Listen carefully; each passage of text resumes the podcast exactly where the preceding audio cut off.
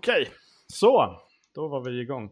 Uh, hej och välkomna tillbaks till Radio Styx uh, med mig, Sandor och mig, Tobias. Och mig, Johannes. Jo. Um, precis. Och ja, uh, välkomna till det sjunde avsnittet. Idag ska vi prata om um, en ganska viktig del av, av Warhammer svaret på, på frågan vad håller vi på med egentligen. Fast ja, när det kommer till själva uppdragen. Vad, vi kommer att diskutera vad som, är ett, ett, vad som är ett bra uppdrag, vad som är ett mindre bra, våra favoriter. Eh, och så ska vi göra lite jämförelser mellan Warhammer 40 000 och Warhammer Age of Sigmar. Eh, men innan vi ger oss i kast med huvudämnet så tänkte jag att vi kan ta ett litet varv och kolla hur alla ligger till hobbymässigt. Uh, om ni har skaffat, byggt eller målat eller gjort något coolt på senaste tiden som du vill prata om. Ja, jag håller ju på att måla två Raiders en Ravager samtidigt. Det är mitt nuvarande projekt. Så lite eh, Drukari snedstreck Dark Eldar. Mm. Det är väl det närmaste och så väntar jag på nya boken för dem. Ja, det blir spännande. Det, ska bli, det är alltid det är kul med nya kodexar. Oh, jag eh, har ju suttit och målat jättemycket Space Wolves. Eller jättemycket, jag har målat mer än jag gjort förut. Mm. Eh, jag har väl ändå gjort klart vad var det senaste jag målat klart? Jag målat klart eh, vad heter det, Blade Guardsen från från är det Indominus-lådan? De kom ju va? Mm. Mm. Uh, du hade gjort om dem ganska mycket va? Bytte ja, jag, jag, typ, och allt möjligt. Typ, det jag upptäckte det jag upptäckte med pandemin var ju att uh, det var så kul att börja bygga om grejer. Plötsligt så fick jag så här, så här oh, jag behöver ju inte typ måla inför någonting så då kan jag typ bara leka mm. med grejer. Eh, så att jag har typ byggt om en massa grejer och greenstaffat, eh, greenstaffat päls och eh, hår och skägg och grejer på huven. Eh, jag hittade en supercool eh, tutorial på hur, hur man gör typ bra ansiktsbehåring. Eh, och följde den och det, då gick det jättebra att skulpta skägg. Cool. Ja, kul att höra. Eh, ja.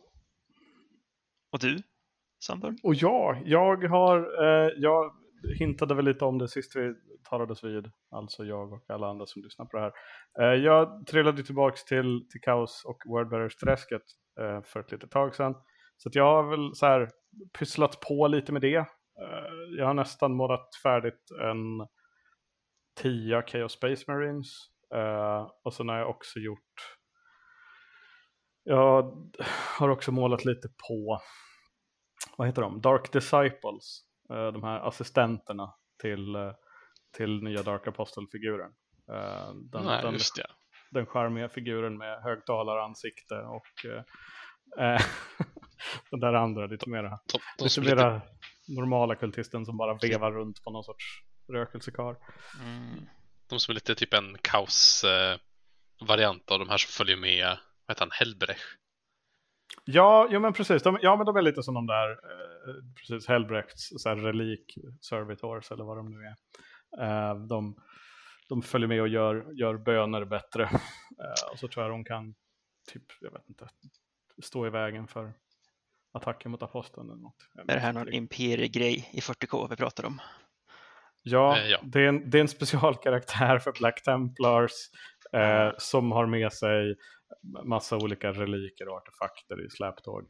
Uh, jag kommer inte riktigt ihåg vem det är. Det är Helbrecht eller Grimaldus eller någonting sånt där. Just det. De har fler än en karaktär. Black Templars, jag tror, jag tror att Black Templars har nog, jag vet inte om de har flest, men de har ganska många specialkaraktärer. Eller så här unika namngivna för att vara um, jämfört med andra royalister. Liksom. De flesta andra brukar ju så förklara sig på en eller två stycken, utom, utom de största. Mm. Men Black Templars är väl å andra sidan en av de största Space Marine-fraktionerna. Om man tittar på det spelarmässigt, liksom. de är ju extremt poppis. Så det är inte så konstigt. Ehm, sen, nu ska vi se. Det var något annat. Jo, eh, innan vi går för djupt in i dagens tema så har jag lite grejer jag skulle vilja, jag vet inte riktigt vad man ska kalla det, be om ursäkt för. Från sist jag pratade om det här. Jag gjorde några sådana små, pyttesmå misstag eh, i avsnitt 6. För det första, eh, Infinity är inte inne i en, en fjärde upplaga, eller förlåt, en tredje upplaga. De är inne på sin fjärde. Jag sa tre, det var fel, det ska vara fyra. Ehm, jag tror också att jag kan ha kallat Johannes och Julia för före detta stycksmedlemmar. Eh, det är också orättvist. De är bara stycksmedlemmar i exil.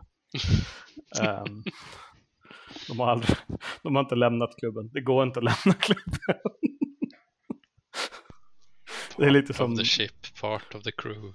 Exakt. Det är lite som den här, den här jag vet inte, lönnmördare Illuminati-grejen som finns i John Wick. Och jag tänker bara på det för att jag tittade på John Wick igår. Det går inte att sluta. Du kan inte lämna den här föreningen. Ehm, ja, eh, men det var väl hobbyfronten avklarad, tror jag väl. Okej. Mm. Ehm, vi ser fram emot nya Dark Eldar. Jag ser fram emot att få se Johannes, Johannes skägg på riktigt. Uh, Johannes, Jag menar Space skägg. Johannes faktiska skägg och Johannes Space skägg. Båda Okej. två ska bli kul. Upp. Eh, ja, men då så. Då snurrar vi väl vidare då till the main event. Eh, hade det här varit en bra podcast hade vi haft någon sorts övergångar och jinglar här, men det, det är för coolt. Så, vi ska prata om bra och dåliga Warhammer-uppdrag. Uh, så, vi kan väl börja den änden då. Vad, vad, eh, vad tycker ni är beståndsdelarna i ett, ett, ett bra scenario i antingen Warhammer 40 000 eller Age of Sigmar.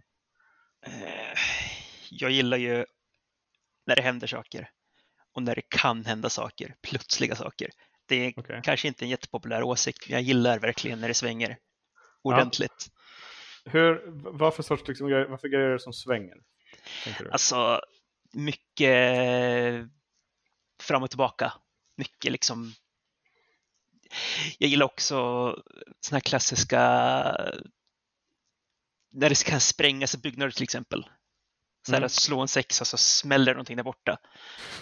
Det är, det, det är kul när saker händer bara, helt Ja. enkelt. Det är väldigt vagt men Men, men, men effekter som till exempel så slå en tärning i början av varje tur för typ vissa terrängbitar och på en ett eller sexa så händer det någonting dåligt för alla som står i närheten av den terrängbiten. Typ. Ja, jag tycker det tillför någonting roligt i alla fall. Även fast det är såklart i ett seriöst matchplay-scenario kanske kan vara lite tvek, tvekis, men Ja. i vanliga matcher kanske- så gillar jag det. Ja, precis. Just det kanske vi ska vara lite eh, tydliga med. Fast jag tror vi har varit tydliga med det hela tiden. Vi är inte särskilt seriösa matchplay-spelare, någon av oss. Jag, jag kan Eh. faktiskt erkänna att jag inte ens har spelat ett scenario matchplay i 9th edition. Nej, 40 000. Nej, jag, jag, tror jag, kört, jag tror jag har kört två matcher matchplay. Jag har, jag har bara, spelat, bara spelat Crusade och, eh, i och för sig, om man räknar eh, lägre poäng, jag typ, vad heter det, Combat Patrol och, eh, Mm. heter det Incursion, mitten. Jag har, Mm. jag spelar sådana hemma på Mm, köksbordet. Men det är ju matched.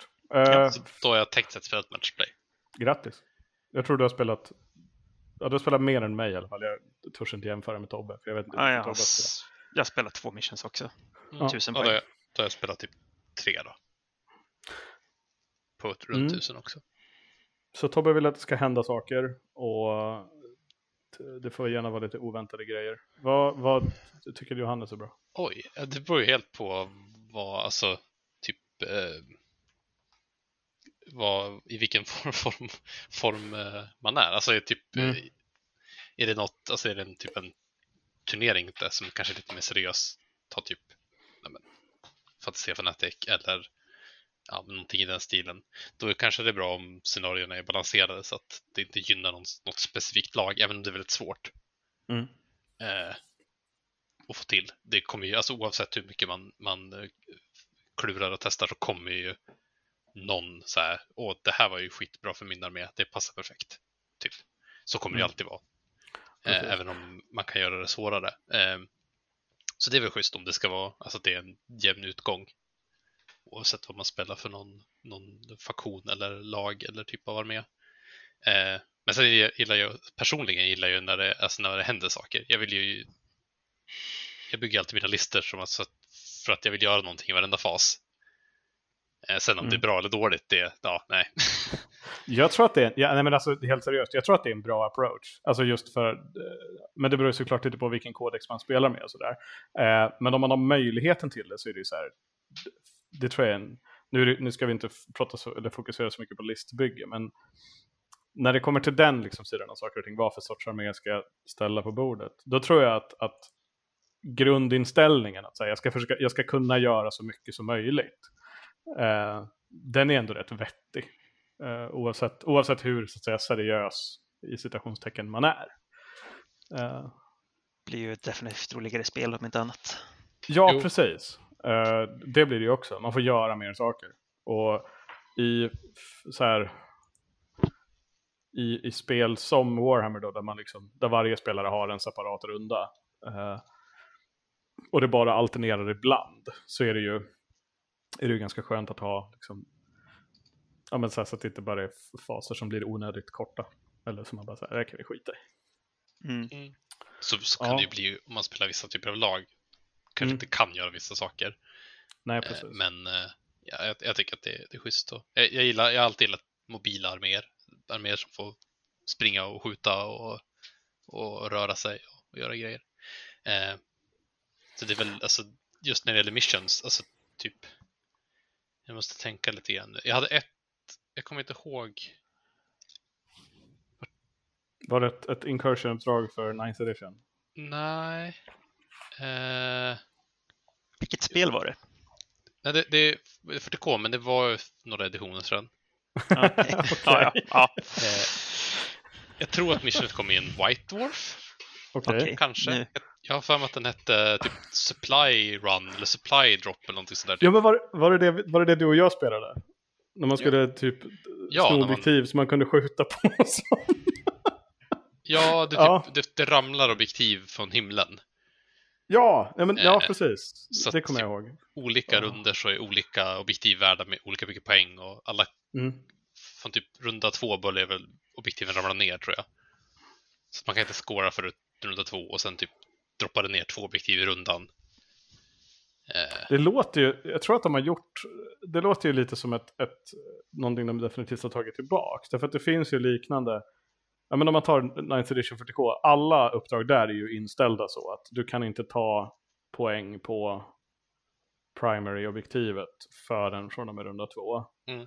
Och det här med att de har objektiv som, som dyker upp på olika delar av planen eller som flyttar på sig och sådär, det är ju någonting som de har börjat, eller som har introducerats ganska mycket i eh, ja, men i, jag tror Age of Sigmar var först med det. Eh, men i takt med att 40K gick över till 8th edition så hängde det liksom liknande saker med där. Att liksom man hade objektiv som började dyka upp på olika ställen på planen vid olika tillfällen eller som skiftar värde beroende på liksom Mm. rundor och tärningslag och sådär. Jag, Eh, gill, jag gillar de här dynamiska grejerna, just den. Det gör det väldigt kul. Mm. mm. Det finns många Crusade-uppdrag som har någon sån där grej va? Att det kan hända någonting på planen. Typ att Ja, det börjar brinna eller saker exploderar eller... Ja, precis.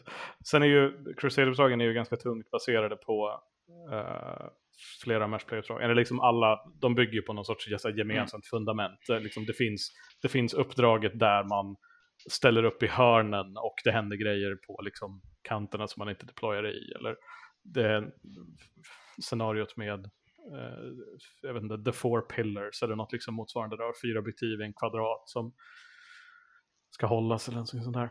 De är ju väldigt lika nu, både Age Sigmar och 40K. Ja, men jag, och jag, jag tror att det är... Ja, uppdrags, uppdragsmässigt så har de, ju, har de ju närmat sig varandra ganska mycket.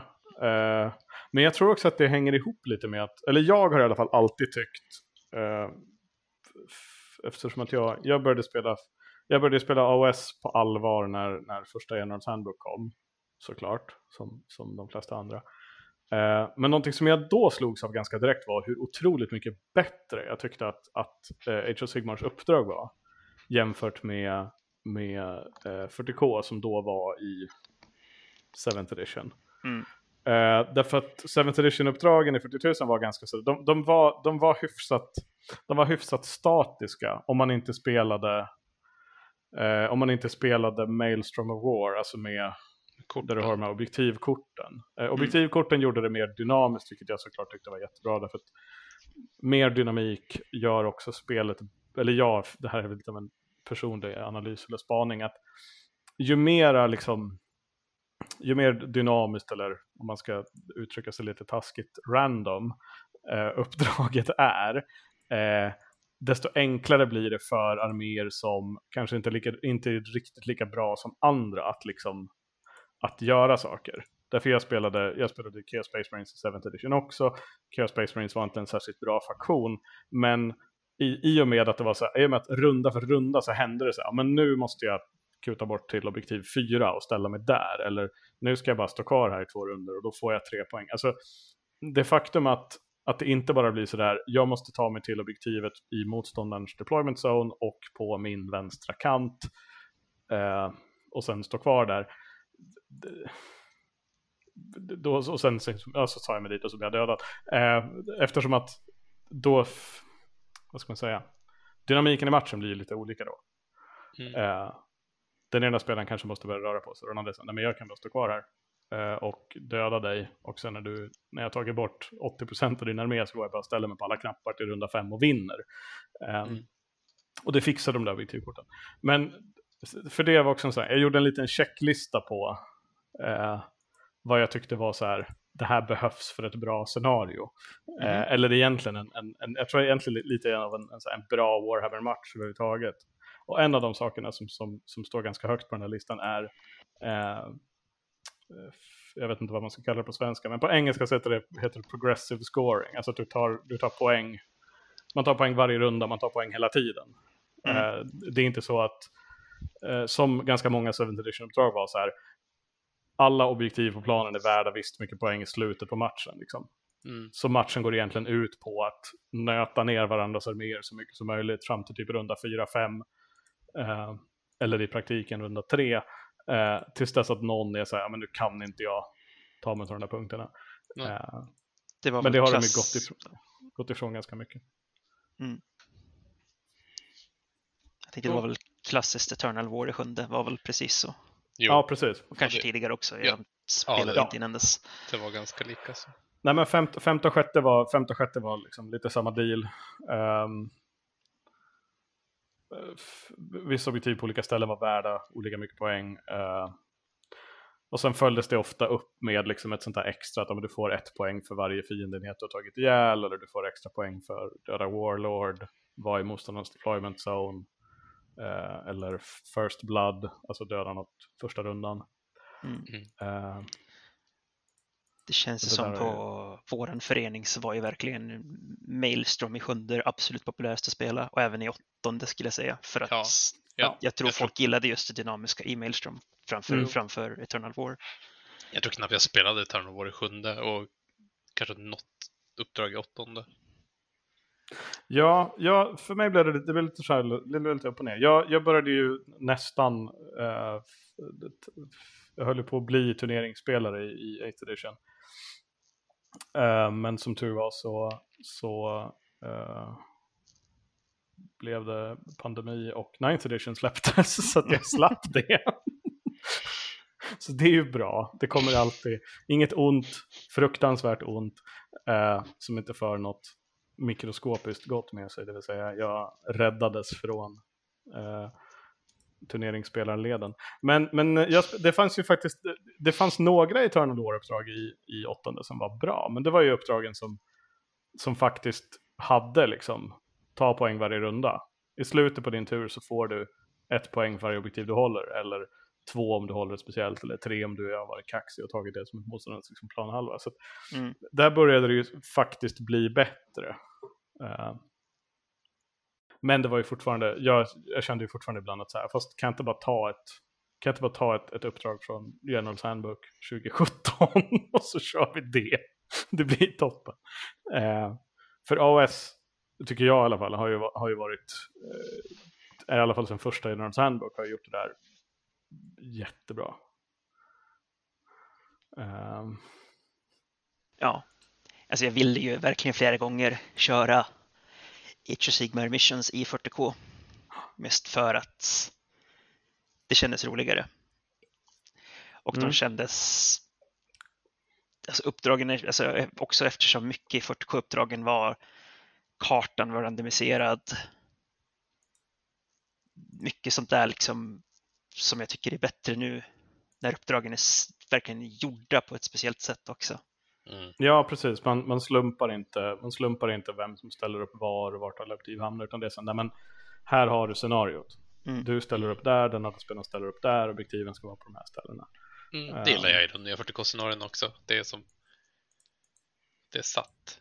ja, jag, kan sak, jag, kan, jag kan sakna korten ibland, men jag tycker ändå att alltså, de vanliga missionsen, i alla fall de få jag har spelat, nu har jag inte spelat jättemånga, jag har spelat, eh, vad heter den, Breakthrough tror jag den heter? Incursion mm. missionet, när man börjar på kortsidorna. Ja, eh, och eh, får olika mycket poäng beroende på hur många objektiv man håller varje runda och kan typ göra någon action för att få extra poäng mm. på ett objektiv varje runda. Jag tycker ju att det som jag tycker är ersättkorten i nionde editionen är secondaries. Ja. Den där listan gör verkligen mm.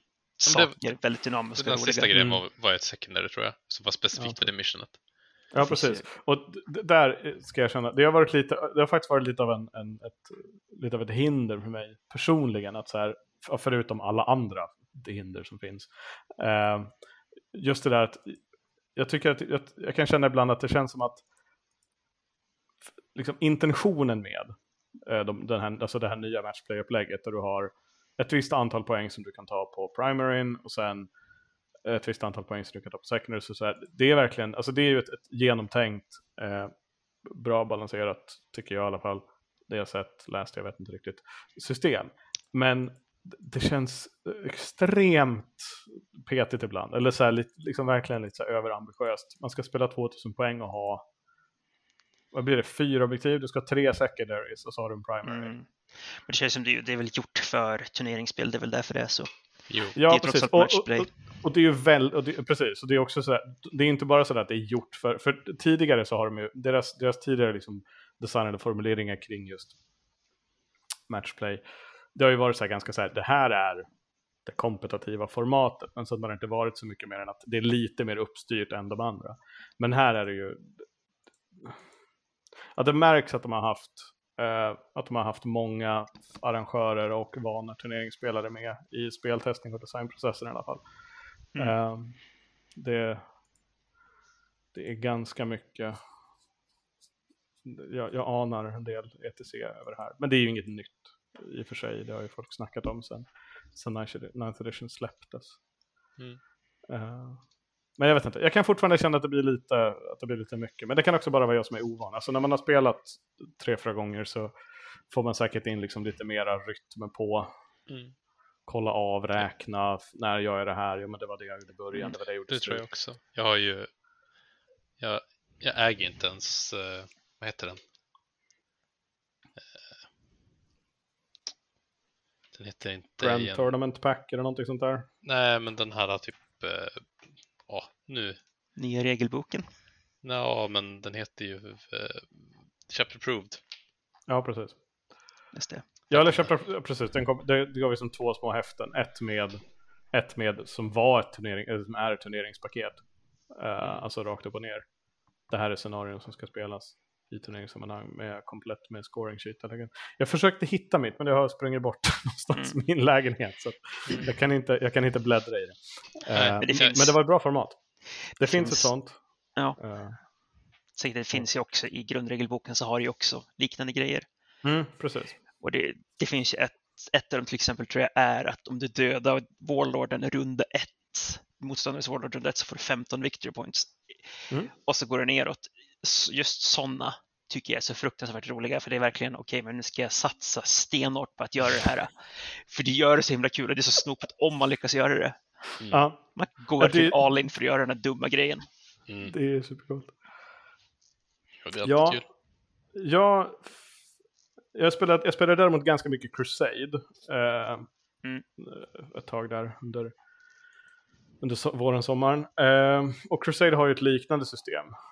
Eh, fast du får experience till enheter istället för, för victory points eh, till matchen. Men, men konceptet är liksom detsamma, man väljer ett antal, eh, man väljer två stycken agendor tror jag. Mm. Um, och en del av dem är ju lite sådär, jag vet inte riktigt. Jag tror att, jag började visserligen fega, jag upptäckte att så, men min armé är bra på de här typen av agendor, så att jag tar dem ofta. Um, och jag gissar att samma sak hade hänt om jag hade spelat lika många uh, matchplay-partier. Liksom. Man märker att men, här är secondary som jag vet att jag klarar av. Och som, som uh, men jag vet inte, det blir också en sån här, apropå för att komma tillbaka till det som vi pratade om ännu tidigare, med armékomposition, att man börjar tänka på det också. Okej, okay, vad, vad för sorts objektiv ska jag börja ta?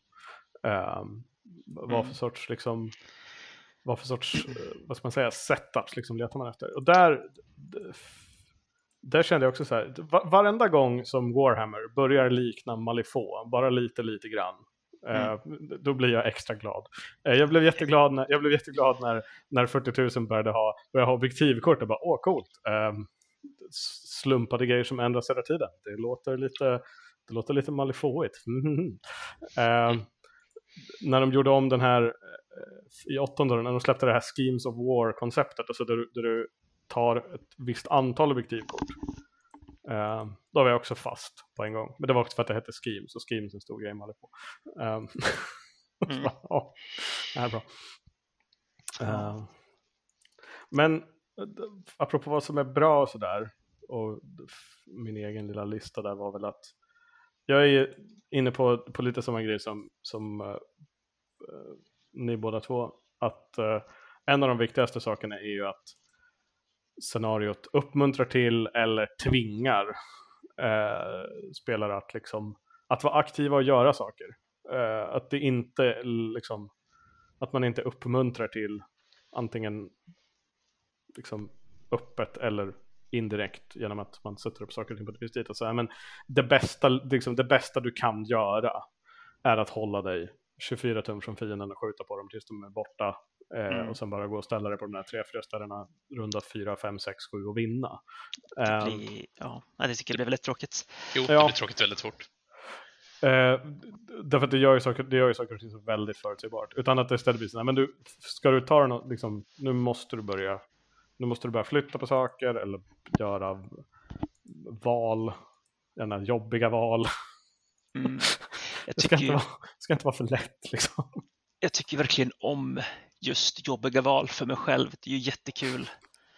Alltså, men jag gillar det verkligen. Jag gillar när det liksom är på gränsen. Man kan vinna om man bara gör den här saken där borta, den saken där, dödar den där, skjuter den, delar upp hela armén på jättemånga saker.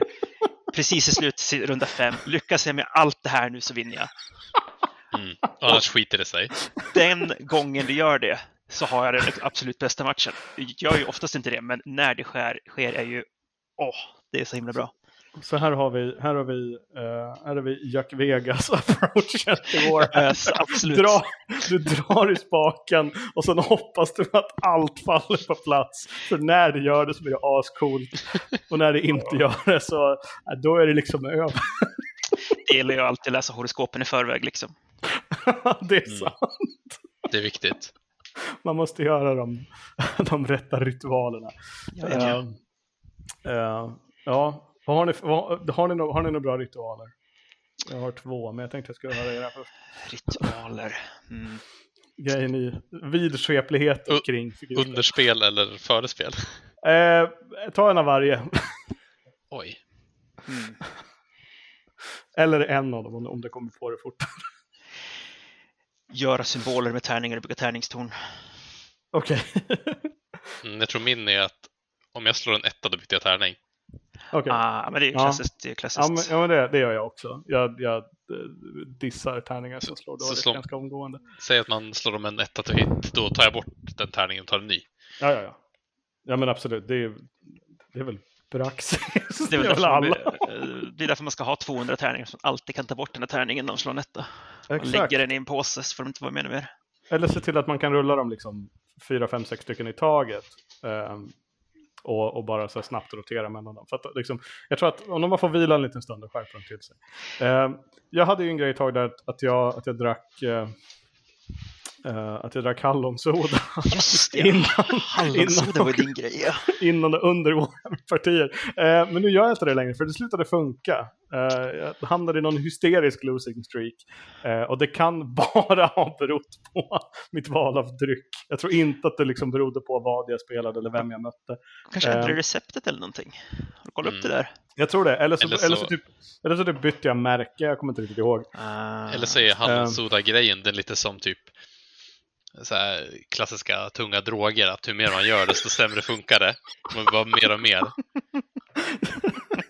Jag brände ut mig helt på hallonsoda. Ja, det funkar bara hamnar du fyra matcher. spiralen och måste dricka så här fyra liter innan varje match. Men du hade fyra väldigt bra matcher. Precis. Men mitt blod, mina, mina blodsockernivåer i mina njurar kommer aldrig vara så lika. Eh, nej men det var, det var ju som första grejen. Ett, sen ett tag där så körde jag på blåbärssoppa, det funkade ganska bra. Eh, jag brukar lyssna på musik innan jag ska spela, i alla fall första matchen. Det brukar hjälpa. Mm. Eh, bara liksom, jag vet inte, samla sig lite grann. Eh, ja. på tal om andra ritualer, eh, där det, var ett, det finns ju en, en ny grej man kan göra i, i Nines som vi också har hintat lite på, det här med actions. Mm. Eh, det blir ganska mycket Nines där, men det, det spelar inte så stor roll. Eh, vad, vad tycker ni om actions? Gör ni dem? Eh, ja, om uppdraget kräver absolut. I, eh, Jag kommer ihåg att jag kan göra dem. ja. jag, jag, jag känner att jag har, eh, jag har inte spelat jättemycket. Vi har, vi har försökt spela lite där hemma. Eh, det är fördelen med att, att bo tillsammans med någon som också spelar, att man inte behöver åka någonstans för att spela. Vi kan bara Det spela hemma på köksbordet. Ja, smidigt. Eh, Ja. Så eh, det är schysst, men jag har inte alltid haft eh, lust eller ork att spela det, det också. Ja. Man ska känna sig motiverad. Vi har mest typ hobbyat. Eh, Men, men du gör det i alla fall när du kommer ihåg det. Så Ja. det, har inte, det har inte så här, att de introducerade det har inte så här vänt upp och ner på hur du spelar Warhammer. Därför jag, jag, när jag sa det var så här, vänta det här, fan det här, det här förändrar ju allt. du menar alltså att jag kan stå, du menar alltså att enheter kan börja stå över de viktigaste, den viktigaste saken man kan göra i 40 000, det vill säga skjuta fienden till små, små bitar. För att istället ge mig poäng. Vad är det? Ja. Vem är du och vad har du gjort med, med Warhammer 40 000? Eh, så jag tyckte det var ascoolt, eh, hypade det som bara den och eh, har aldrig tagit en action någonsin i en 40k-match tror jag. Ah, Eh, utan jag har, jag, har istället, jag har istället, eftersom att jag som sagt är en fegis och tryhard, bara tagit, eh, bara spelat Crusade och bara tagit secondaries som går ut på, eller agendor som eh, går ut på att döda fienden. ah. Eh, för att jag är inte bara en fegis, en tryhard, jag är också en hycklare. Jag säger att jag tycker om dynamisk speldesign, uppdrag som uppmuntrar till att göra olika saker. Men när, när, liksom, när, allt, när allt kommer omkring så, så defaultar jag till att jag skjuter dig till, till din armé inte, nästan inte finns och sen går jag och ställer mig på knapparna. Jag gillar ju Alltså, jag, jag tycker actions är, jag- tycker det kan vara lite kul. Det kan vara lite, det brukar alltid få kolla upp exakt när man får göra dem. Det brukar alltid vara, Mm. ja, hur får jag göra de här? Men det är också specifikt till Crusade så väljer jag bort agendor med actions som kräver lite för mycket bookkeeping. Det kan vara vissa när man ska hålla på och räkna på varje enhet hur många saker de ska göra. De brukar jag Mm. skippa. Men däremot, Ja. det finns vissa actions som man bara ska plocka en liten grej. Det gör jag. Men jag tror också Speciellt- att det där... Förlåt, fortsätt. Nej, speciellt inte, om det inte liksom finns någonting annat att göra, då kan man liksom bara dra den actionen istället. För att, ja. Jag spelar också närstridsarmé så det blir mycket. Ibland har man liksom Ja. inget val. Nej men precis, och jag, och jag spelar, jag har ju mest spelat liksom Death Guard än i första hand skyttarmé. Uh, så då tar man ju agendor som en, en, en armé är bra på. Och spelar man med liksom få enheter så vill man inte, liksom, man vill inte offra all deras så här, skada-output i skyttefasen för att få lite experience. Jag tror att det blir en annan grej när man spelar match och faktiskt börjar liksom, när det faktiskt börjar bli så, ja men i slutet på Mummitracer liksom, så, så börjar jag hissa upp den här flaggan så får du poäng i slutet på turneringen. För jag tror också att det var en, det, jag, jag, läste det, jag läste actions fel så många gånger att det är liksom pinsamt. Jag, jag tror min första tolkning var sådär att du sätter igång actionen i slutet på turen och sen är enheten ur spel i princip till, liksom, till nästa runda. Men det är bara så, nej men de, de gör det då. Mm. Och sen tickar det på under rundan och sen, det är så, men du står över i skyttefasen. Mm. Uh, och sen när du är klar med det så får du dina 4-5 poäng. Uh, mm. Men det kommer ju också tillbaka till, liksom, apropå lista och armébygge, vilka enheter ska man ha för att ta actions? Och när ska man göra det? Och hej och hå. Jag tror att det är... Mm. Ja. Så att det fanns enda actionsen som tog längre tid. Eh, jag vet att det var några i, i några Crusade-uppdragen. När man typ skulle stå vid något objektiv hela rundan med Warlorden och eh, eller typ ja, sådana där saker. Precis. Eh, men de enda jag har gjort Eh, jag har nog gjort no, någon liten typ så här typ skanobjektiv i Crusade. Mm. Eh, mm. de, de Crusade-matcher jag spelat är inte heller jättemånga. Eh, jag känner att jag, har, inte har spelat så mycket alls den här editionen. Eh, jag, har, jag har blivit mycket målande, det, vilket också är väldigt kul för att man, det är kul att måla grejer och det är kul att göra klart. Och det har det som var, liksom blivit blivit den stora sugen i att typ hobbya. Mm. Eh, men de gånger jag spelat så, ja, nej men man har kommit ihåg att göra det. Mm. Eh, sen har jag ju spelat eh, matcher och utan att så komma ihåg att det finns secondary objectives. Bara spela med primary objectives. Ja, men det är väl ja. lite av den där bookkeeping-grejen också. Alltså det är lätt att tappa bort, särskilt i, i Ninth Ed. Eh, men då vi tar, nu har vi pratat ganska mycket om 40 000. Om vi hoppar över till, till uh, uh, originalet, spelet som hade de bästa uppdragen först, det vill säga Warhammer Age of Sigmar. Mm. Vad... Där är det ju så att, jag vet inte, alla människor som lyssnar på det här har level har lite koll på hur ett Warhammer Age of Sigmar-uppdrag ser ut. Men för de som inte har det, i de allra flesta fall så är det, följer de liksom, de har ganska klara tydliga begränsningar. Alla matcher pågår i fem rundor, det är 40K också börjat med nu, vi tycker det är asbra. För det mm. sämsta jag vet är en lång Warhammer-match. Alltså spelet är, det tar tillräckligt lång tid som det Man behöver inte spela sju runder av det. Nej, jag håller med. Det, fem är jättebra.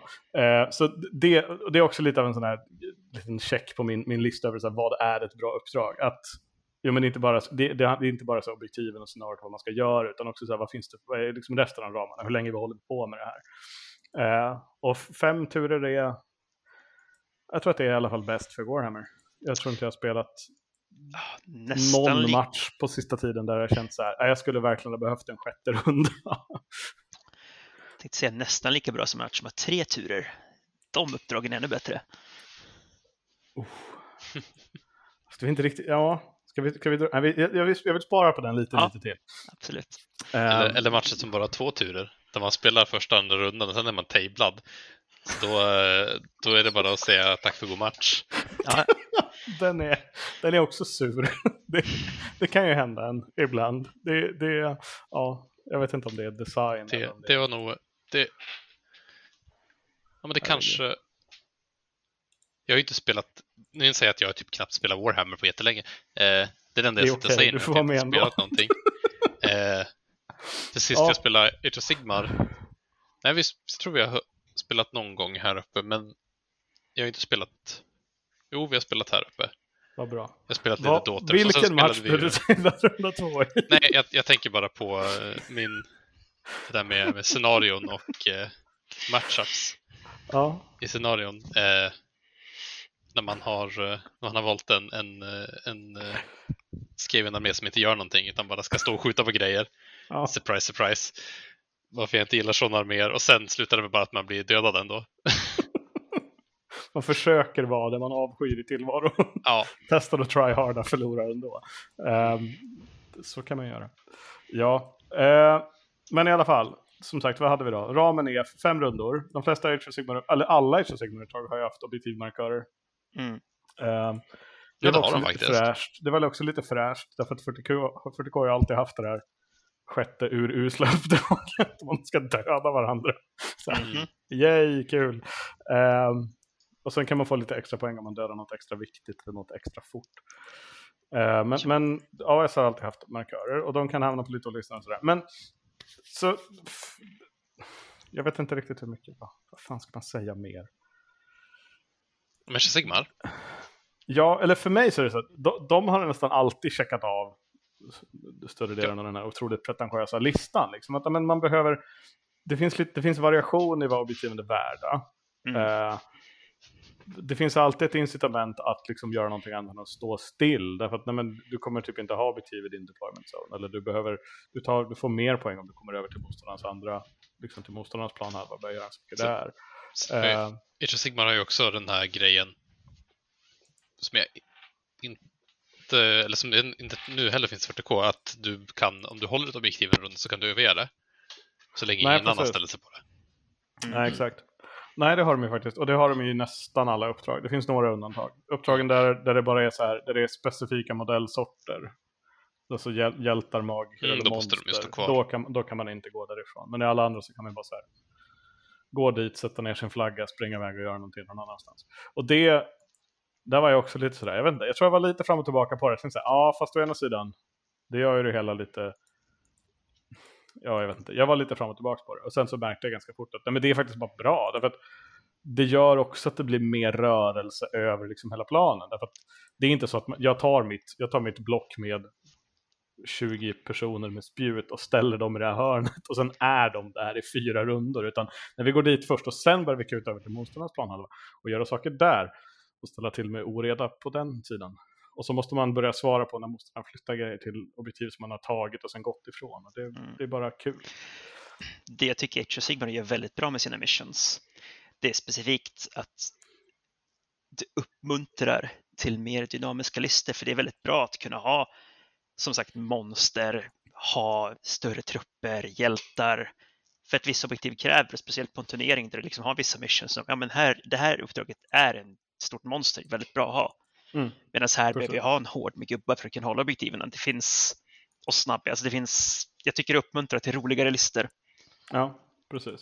Kanske inte gentemot 40K specifikt, men liksom det, uppdragen i sig upp, uppmuntrar till det.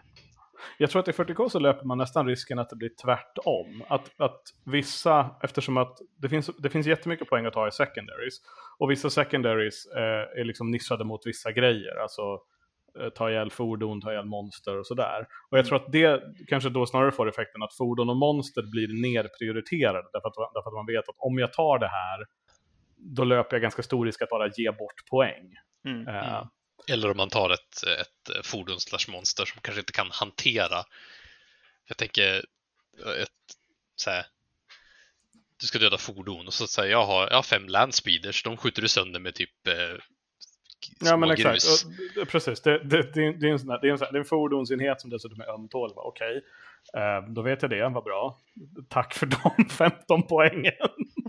eh, så att, det är väl lite sådär, där, jag tror att, ja, jag tror inte de har riktigt lyckats där, men jag tycker de har lyckats bättre med det i AOS, precis som du säger. Att eftersom att det hela tiden finns, det, det, man har liksom, det, det finns, risken finns alltid att säga, nej men här behöver du ha en, en här behöver du ha ett, ett monster. Eller ett, ett monster skulle kunna göra det här bättre än en annan enhet. Mm. Ehm, och då, då är det väl kanske lite synd om arméer som inte har några, men jag tror inte att det finns någon vid det här laget. Alla, Fin- kan, alla kan typ göra allt. Inte alls så kan du ta in någonting via LS, men det är just Eller, ja, precis, eller så hade jag med. Så det, det, är så här, det går ju att lösa. Men, men det, det känns som ett mer, en mer, liksom, vad ska man säga, ett mer, ett mer positivt sätt att, att skapa varierade listor. Att Mm. det, liksom, det lönar sig i uppdragen. Snarare än 40K som nästan blir något liksom negativt. F- men eh, ja, nu ska vi se. Vi har... Ska vi, ska, vi, ska vi ta några favoriter? absolut. Favorituppdrag. Eh, jag vill nästan, jag, jag vet vad Tobbe tänker säga och det är så roligt så att jag vill nästan spara det till sist. Ja, men då väntar jag till sist. Eh, har du ett på, på rak arm Johannes? Så det ska jag börja. Ett favorit... Nej, du kan börja. Okej. Eh, en av mina första favoriter någonsin. Eh, det var från första Generals Handbook.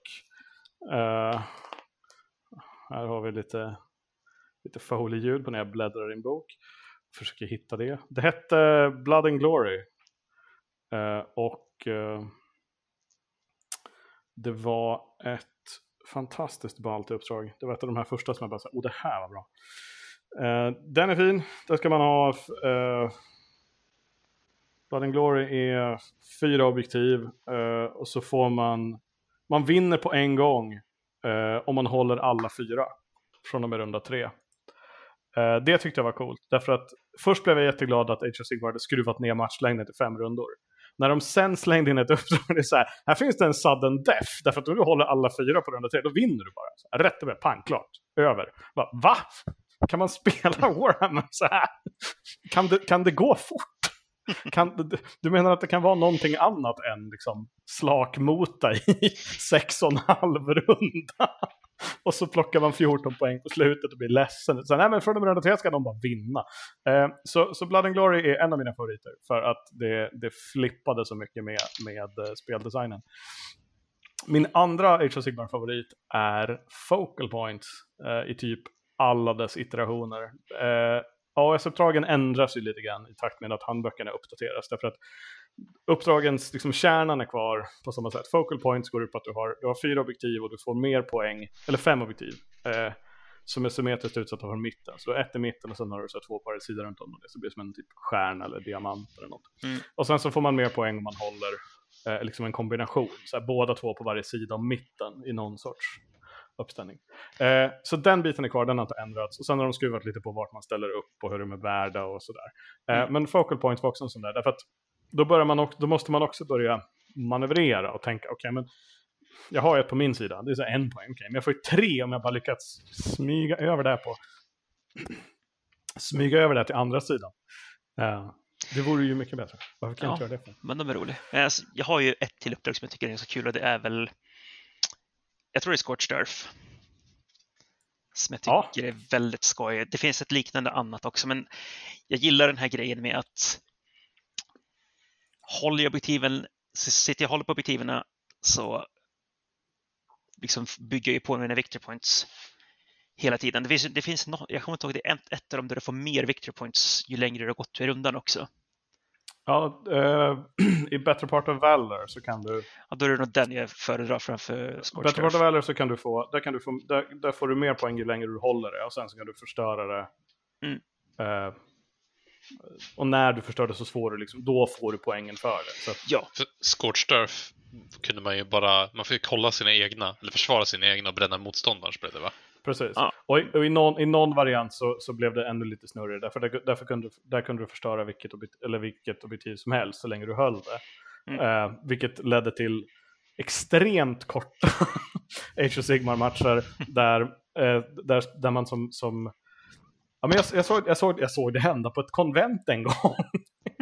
eh, men på bordet bredvid mig. Eh, jag stod och hade världens slugfest mot en, en skeletthord. Och på bordet bredvid mig så vann Daughters of Cain runda två. Eh, när de brände upp alla objektiv på sin sida, sprang över motstånd, till motståndarnas plan, hade med tillräckligt många figurer för att ta alla deras objektiv också och förstörde dem med.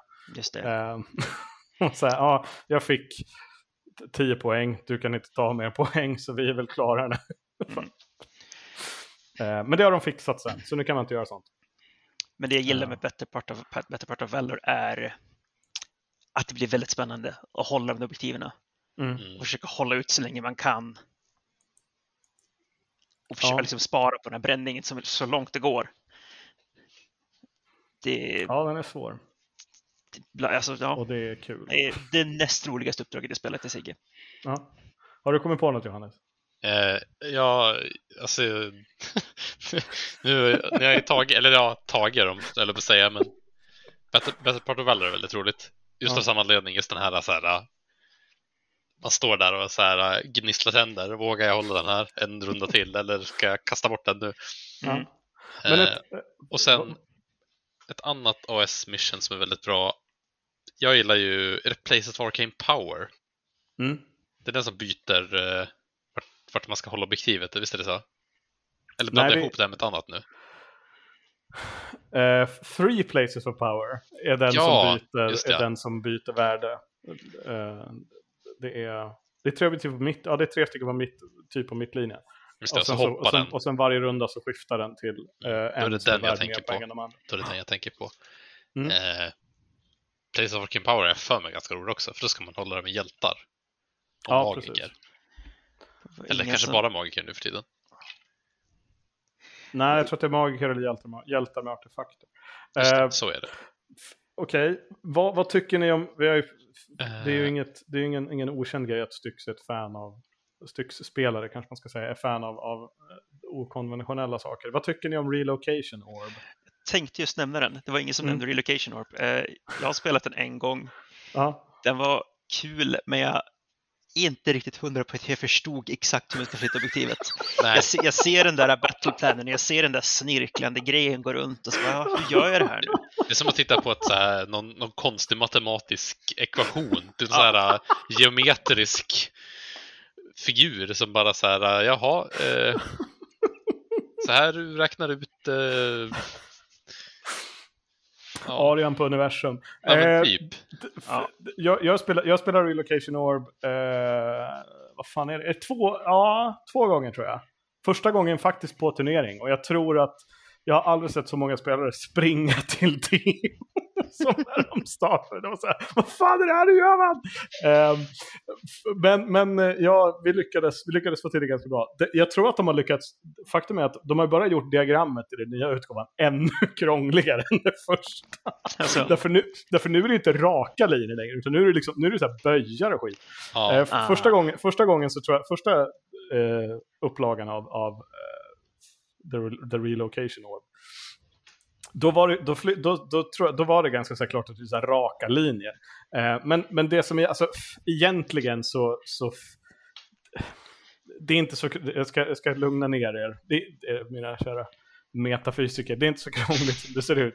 Det, slutresultatet, det är att, att objektivet landar i någon sån där, jag kommer inte ihåg om det är 12 gånger 12 eller 6 gånger 6 tums ruta någonstans liksom på plan och sen rör den sig lite i mittlinjen. Det man måste komma ihåg och kolla är liksom, hoppar den uppåt, neråt, vänster, höger? Alltså, f- så länge man inte börjar liksom, vad ska man säga, byta bordskant som man utgår ifrån när man börjar flytta på den så är det ganska lugnt. mm, Eh, men det är ett roligt uppdrag. Eh, därför att det har ju verkligen sådär, dels första gången jag spelade så gjorde jag det med en, en Nurgle-lista med två eh, Greater Demons. Så bara att, att liksom föreställa sig eh, en Great Unclean One som liksom springer efter någon sån här liten mag, sån här magisk klot som bara åker runt. Det, Ja. det är en fantastiskt rolig mental bild att ha. Eh, det är en av anledningarna till att jag tycker om Relocation. Eh, den andra är att, att det faktiskt är ett ganska det är ett extremt dynamiskt uppdrag, därför att man kan bara ha det liksom man kan verkligen bara, man håller i typ en runda sen här, nu är det någon annanstans. Har du lite tur så hoppar det inte så långt. eller till ett område där man redan är själv. Exakt. Eh, jag hade lite flyt och lyckades faktiskt vinna den matchen, vilket var tur därför att när det kom till att slåss och göra saker så låg jag i extremt underläge. Jag spelade mot Serafon och Serafon var bättre på att göra skada än jag. Eh, I 40K då, något favorituppdrag där? Eh, ja, jag har ju bara spelat Crusade. Så att Ja. eh, det blir väl något Crusade.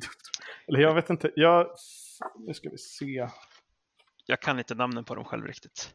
Jag kan plocka upp Crusade. Man får jag gå tillbaka till en punkt i säga- Ja. Sigmar-uppdragen så är, när vi ändå pratade geometri förut och matematiska formler, så är det absolut svåraste för mig och ibland mina motståndare också, är att rita ut deployment-zonen.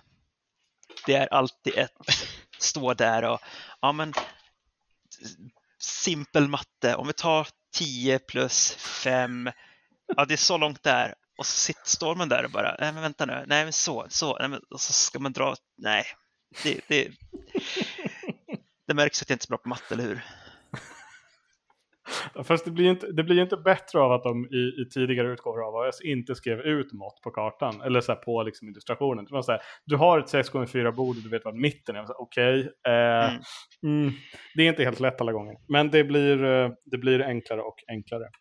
Ja. 40 000 blir ju ännu lättare nu eftersom man har tipsatta. Apropå, ja men så här, bra Crusader-uppdrag. Mina två, jag tror mina två favoriter eh, är eh, Sabotage Ja, den är bra.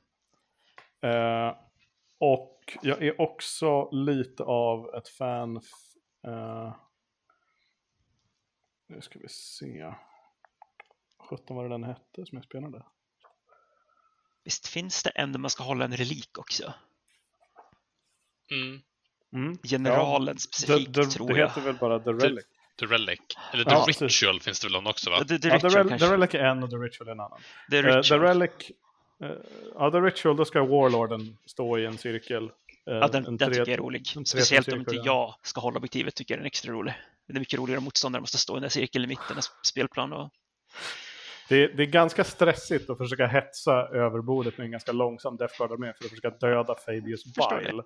Ehm, det, jag har testat det en gång. Det gick faktiskt inte tror jag. Nej. Mm. Eh, jag, gick, jag gick bet på att, jag tror jag gjorde, jag gjorde, jag fick nästan ihjäl, hade jag slagit ihjäl Bile på en rund, liksom på en combat så hade jag nog vunnit. Men, nej, det Jag gick eh, tror jag spelade, jag tror det var The Ritual mot dig Tobbe. Första gången Ja. jag testade eh, nionde editionen och Crusade. Ja, Eh, och eh, då, det var det jag som skulle hålla objektivet. för jag för du som skulle hålla objektivet, så stod gömde det bakom en raider där och lite gubbar med din succubus. Ja, Och jag, jag är mitt, eh, mitt med min hybris, mina coola snipergubbar där som jag ville testa. Som sen typ sög på skjuta. Nej! När, när alla Stackars mina, alla, min, alla mina eliminators blev dödade första rundan av ett, eh, av en, ett flyganfall. Från en, Mm. eh, en racerwing. Och sen var det bara, eh, bara min stackars Wolflord med, med sniperbössa som stod där och skulle försöka göra någonting. Vilket slutade med att han hoppade ner från ruinen och kutade fram för att försöka slå ihjäl eh, succubusen med händerna.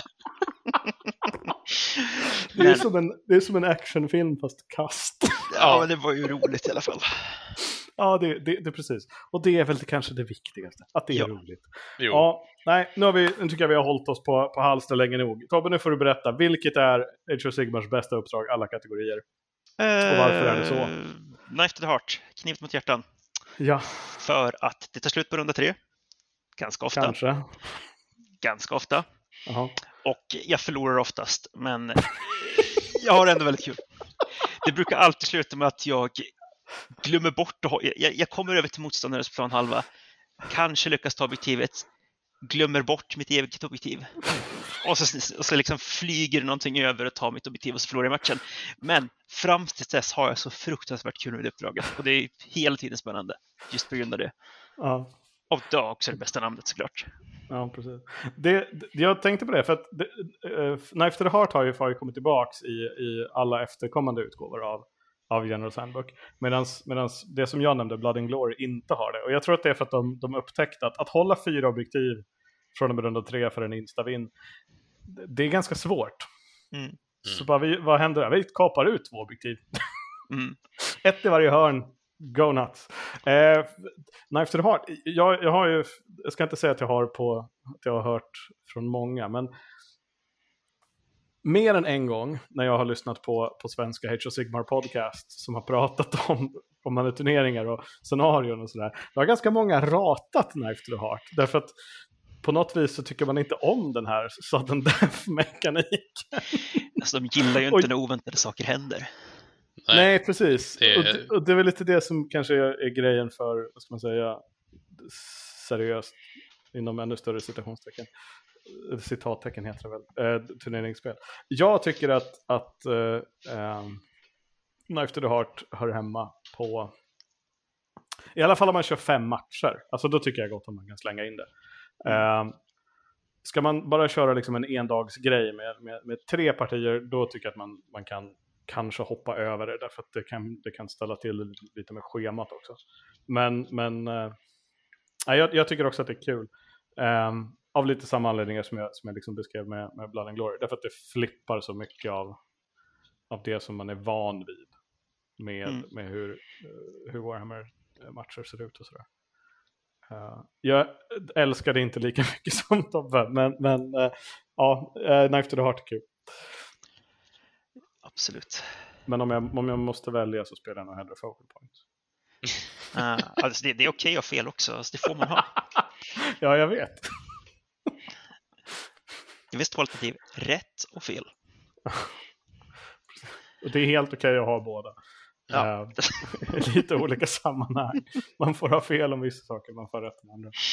Uh, ja, har vi något, uh, något mer asbra eller djupt eller vettigt ja. att säga om, ja. om uh, Warhammer-scenarion? Jag kan, jag kan komma ihåg det absolut sämsta scenariot dock. Ja, det måste vi ha. Vi det, måste ha de dåliga också. Vi slutar det, på en, en, negativ not. Vilket det, är det sämsta scenariot? Det är från Warhammer Fantasy 8 Edition. Oh!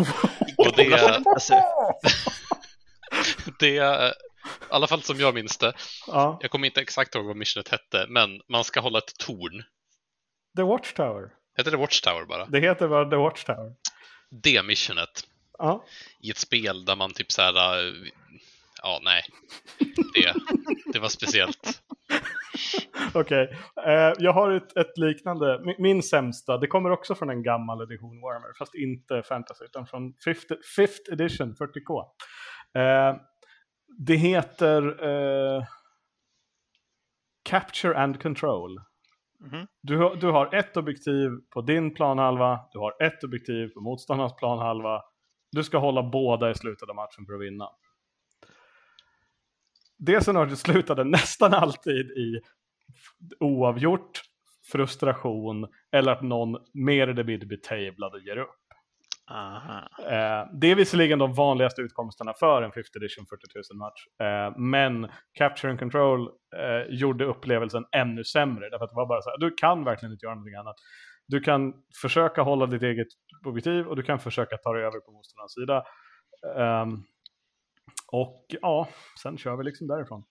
Jag tror att det, det fick det lite taskiga, det lite taskiga smeknamnet Capture the Draw, därför att det blev så ofta oavgjort. Okay. Mm. Man vill ju gärna ha ett resultat som inte är oavgjort. Nej, precis. Och man vill heller inte ha en match som bara känns frustrerande, där man liksom vet att vi kommer typ, det här kommer sluta 10-10 hur vi än gör. Mm. Ja, det, alltså, och The Watchtower var väl å andra sidan helt tvärtom. Den personen som hinner först in med den stora, alldeles för biffiga enheten med gubbar i tornet vinner. För att beroende på vad som sprang in där så kunde man, det gick inte här, spelmässigt att döda allting där inne innan matchen var slut. Och då vann ju den personen som höll tornet. Ja, precis. Ja, det är och speciellt heller... då när, du, när det fanns eh, vissa tips och tricks för att ta sig in i tornet innan typ första rundan. Till exempel reforma in i tornet. Det var en speciell, eh, ett speciellt, sätt, speciellt sätt att göra det på. Alltså jag hatar Warhammer Fantasy. Oh. Okej, okay, hata ett starkt ord. Um, vår, vår gemensamma vän Johan Berggren skrev någonting till mig om, om något konstigt som hade hänt i Warhammer Fantasy. Jag sa att ja, det, Warhammer Fantasy fungerade ju bara på en, en liksom hårfin balans mellan konstig speldesign och memes. Um, det var det som fick spelet att funka.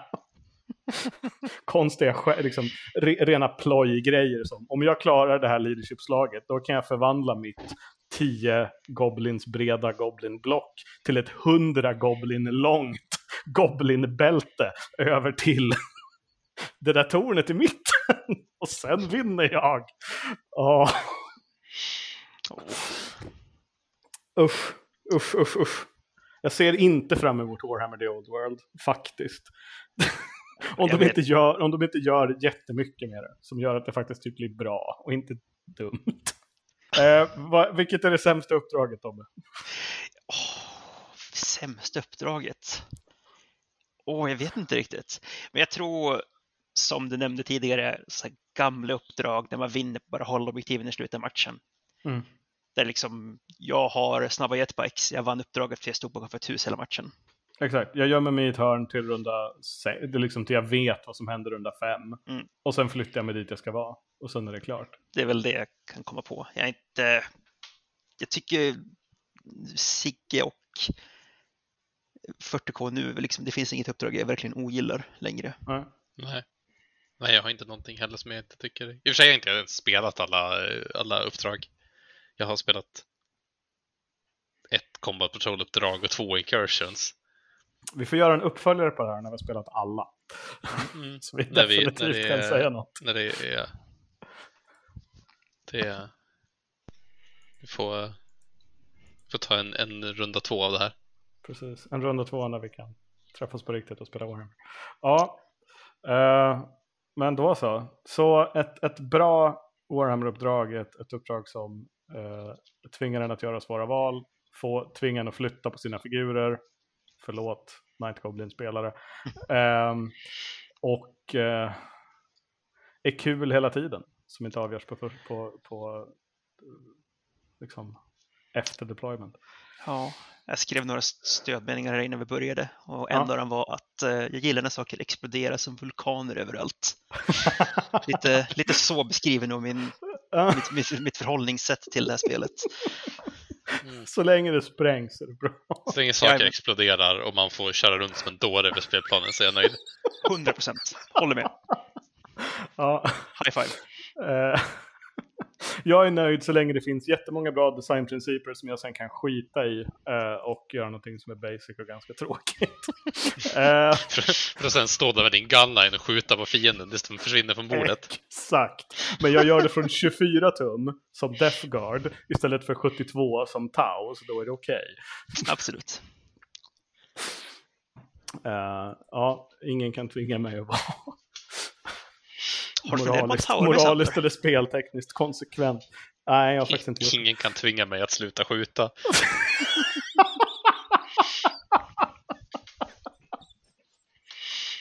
Och det är därför jag aldrig kommer göra en action någonsin i min Warhammer-karriär.